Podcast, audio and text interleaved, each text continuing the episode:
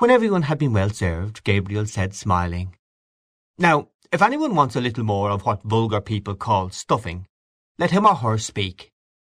A chorus of voices invited him to begin his own supper, and Lily came forward with three potatoes which she had reserved for him. "Very well," said Gabriel amiably, as he took another preparatory draught. "Kindly forget my existence, ladies and gentlemen, for a few minutes." He set to his supper, and took no part in the conversation with which the table covered Lily's removal of the plates. The subject of talk was the opera company which was then at the Theatre Royal.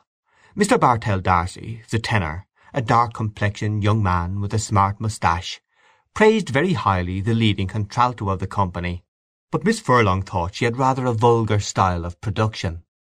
Freddy Malins said there was a negro chieftain singing in the second part of the Gaiety pantomime, who had one of the finest tenor voices he had ever heard. "Have you heard him?"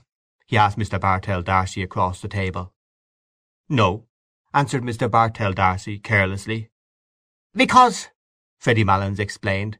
Now, I'd be curious to hear your opinion of him. I think he has a grand voice."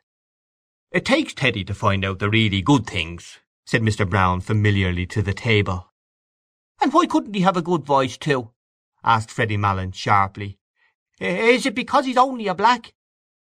Nobody answered this question, and Mary Jane led the table back to the legitimate opera. One of her pupils had given her a pass for Mignon. Of course it was very fine, she said, but it made her think of poor Georgina Burns. Mr. Brown could go back farther still, to the old Italian companies that used to come to Dublin: Tietjens, Ilma de Murzka, Campanini, the great Trebelli, Giuglini, Ravelli, Aramburo. Those were the days, he said, when there was something like singing to be heard in Dublin. He told too of how the top gallery of the old Royal used to be packed night after night, of how one night an Italian tenor had sung five encores to "Let me like a soldier fall," introducing a high C every time; and of how the gallery boys would sometimes in their enthusiasm unyoke the horses from the carriage of some great prima donna, and pull her themselves through the streets to her hotel. Why did they never play the grand old operas now, he asked, Dinorah, Lucretia Borgia? Because they could not get the voices to sing them, that was why. "Oh, well," said Mr. Bartell D'Arcy, "I presume there are as good singers to day as there were then." "Where are they?" asked Mr. Brown defiantly. "In London, Paris, Milan," said Mr. Bartell D'Arcy warmly. "I suppose Caruso, for example, is quite as good, if not better, than any of the men you have mentioned." "Maybe so," said Mr. Brown. "But I may tell you I doubt it strongly." "Oh, I'd give anything to hear Caruso sing said Mary Jane. "For me," said Aunt Kate, who had been picking a bone. "There was only one tenor. To please me, I mean. But I suppose none of you ever heard of him." "Who was he, Miss Morkan?" asked Mr. Bartell D'Arcy politely. "His name," said Aunt Kate, "was Parkinson. I heard him when he was in his prime, and I think he had then the purest tenor voice that was ever put into a man's throat." "Strange," said Mr. Bartell D'Arcy. I never even heard of him." "Yes, yes, Miss Morkan is right," said Mr. Brown. "I remember hearing of old Parkinson, but he's too far back for me." "Oh, a beautiful, pure, sweet, mellow English tenor!" said Aunt Kate with enthusiasm. Gabriel having finished, the huge pudding was transferred to the table. The clatter of forks and spoons began again. Gabriel's wife served out spoonfuls of the pudding, and passed the plates down the table. Midway down they were held up by Mary Jane, who replenished them with raspberry or orange jelly, or with blancmange and jam. The pudding was of Aunt Julia's making, and she received praises for it from all quarters. She herself said that it was not quite brown enough. "Well, I hope, Miss Morkan," said Mr. Brown, "that I'm brown enough for you, because, you know, I'm all brown." All the gentlemen, except Gabriel, ate some of the pudding out of compliment to Aunt Julia. As Gabriel never ate sweets, the celery had been left for him. Freddy Malins also took a stalk of celery and ate it with his pudding. He had been told that celery was a capital thing for the blood, and he was just then under doctor's care. Mrs. Malins, who had been silent all through the supper, said that her son was going down to Mount Melleray in a week or so. The table then spoke of Mount Melleray, how bracing the air was down there, how hospitable the monks were, and how they never asked for a penny piece from their guests. "And do you mean to say," asked Mr. Brown incredulously, "that a chap can go down there, and put up there as if it were a hotel, and live on the fat of the land, and then come away without paying anything?" "Oh, most people give some donation to the monastery when they leave," said Mary Jane. "I wish we had an institution like that in our church," said Mr. Brown candidly. He was astonished to hear that the monks never spoke, got up at two in the morning, and slept in their coffins. He asked what they did it for. "That's the rule of the order," said Aunt Kate firmly. Uh, "Yes, but why?" asked Mr. Brown. Aunt Kate repeated that it was the rule, that was all. Mr. Brown still seemed not to understand. Freddy Malins explained to him, as best he could, that the monks were trying to make up for the sins committed by all the sinners in the outside world. The explanation was not very clear, for Mr. Brown grinned and said, "I like that idea very much, but wouldn't a comfortable spring bed do them as well as a coffin?" "The coffin," said Mary Jane, "is to remind them of their last end." As the subject had grown lugubrious, it was buried in a silence of the table during which Mrs. Malins could be heard saying to her neighbour, in an indistinct undertone, "They are very good men, the monks, very pious men. The raisins and almonds and figs and apples and oranges and chocolates and sweets were now passed about the table, and Aunt Julia invited all the guests to have either port or sherry. At first Mr. Bartell D'Arcy refused to take either, but one of his neighbours nudged him and whispered something to him, upon which he allowed his glass to be filled. Gradually, as the last glasses were being filled, the conversation ceased. A pause followed, broken only by the noise of the wine and by unsettlings of chairs. The Misses Morkans, all three, looked down at the tablecloth. Some one coughed once or twice, and then a few gentlemen patted the table gently as a signal for silence. The silence came, and Gabriel pushed back his chair. The patting at once grew louder in encouragement, and then ceased altogether. Gabriel leaned his ten trembling fingers on the tablecloth, and smiled nervously at the company. Meeting a row of upturned faces, he raised his eyes to the chandelier. The piano was playing a waltz tune, and he could hear the skirts sweeping against the drawing-room door. People perhaps were standing in the snow on the quay outside, gazing up at the lighted windows and listening to the waltz music. The air was pure there. In the distance lay the park, where the trees were weighted with snow. The Wellington Monument wore a gleaming cap of snow, that flashed westward over the white field of fifteen acres.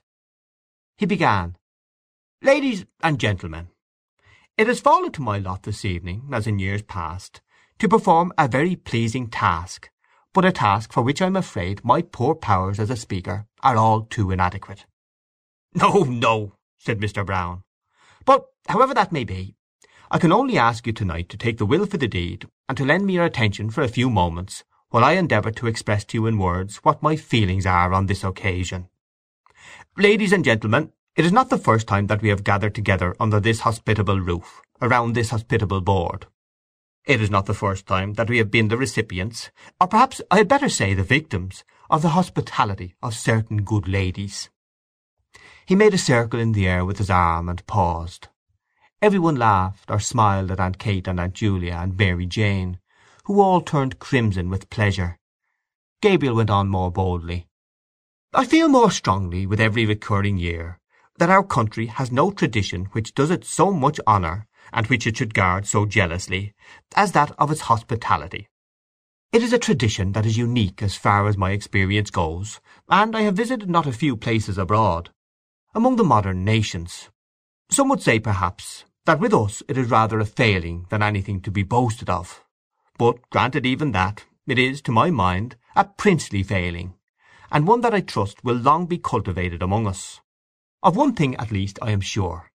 As long as this one roof shelters the good ladies aforesaid, and I wish from my heart that it may do so for many and many a long year to come, the tradition of genuine, warm-hearted, courteous Irish hospitality, which our forefathers have handed down to us, and which we in turn must hand down to our descendants, is still alive among us. A hearty murmur of assent ran round the table. It shot through Gabriel's mind that Miss Ivors was not there, and that she had gone away discourteously. And he said with confidence in himself, Ladies and gentlemen, a new generation is growing up in our midst, a generation actuated by new ideas and new principles. It is serious and enthusiastic for those new ideas, and its enthusiasm, even when it is misdirected, is, I believe, in the main sincere. But we are living in a sceptical and, if I may use the phrase, a thought-tormented age. And sometimes I fear that this new generation, educated, or hyper-educated, as it is, will lack those qualities of humanity, of hospitality, of kindly humour, which belong to an older day. Listening tonight to the names of all those great singers of the past, it seemed to me, I must confess, that we are living in a less spacious age. Those days might, without exaggeration, be called spacious days, and if they are gone beyond recall, let us hope, at least, that in gatherings such as this we shall still speak of them with pride and affection, still cherish in our hearts the memory of those dead and gone great ones whose fame the world will not willingly let die. "Hear, hear!" said Mr. Brown loudly. But yet, continued Gabriel, his voice falling into a softer inflection, there are always in gatherings such as this sadder thoughts that will recur to our minds, thoughts of the past, of youth, of changes, of absent faces that we miss here to-night. Our path through life is strewn with many such sad memories, and were we to brood upon them always we could not find the heart to go on bravely with our work among the living. We have, all of us, living duties and living affections which claim, and rightly claim, our strenuous endeavours. Therefore I will not linger on the past. I will not let any gloomy moralizing intrude upon us here to-night. Here we are gathered together for a brief moment from the bustle and rush of our everyday routine. We are met here as friends, in the spirit of good fellowship, as colleagues also, to a certain extent, in the true spirit of camaraderie, and as the guests of—what shall I call them? The three graces of the Dublin musical world. The table burst into applause and laughter at this allusion. Aunt Julia vainly asked each of her neighbours in turn to tell her what Gabriel had said. "He says we are the three Graces, Aunt Julia," said Mary Jane. Aunt Julia did not understand, but she looked up smiling at Gabriel, who continued in the same vein. "Ladies and gentlemen, I will not attempt to play to-night the part that Paris played on another occasion. I will not attempt to choose between them. The task would be an invidious one, and one beyond my poor powers.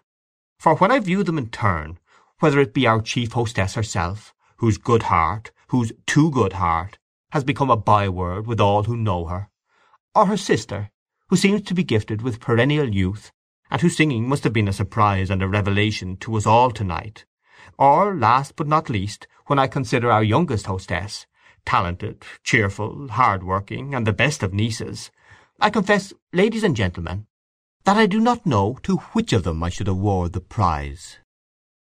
Gabriel glanced down at his aunts, and, seeing the large smile on Aunt Julia's face, and the tears which had risen to Aunt Kate's eyes, hastened to his close.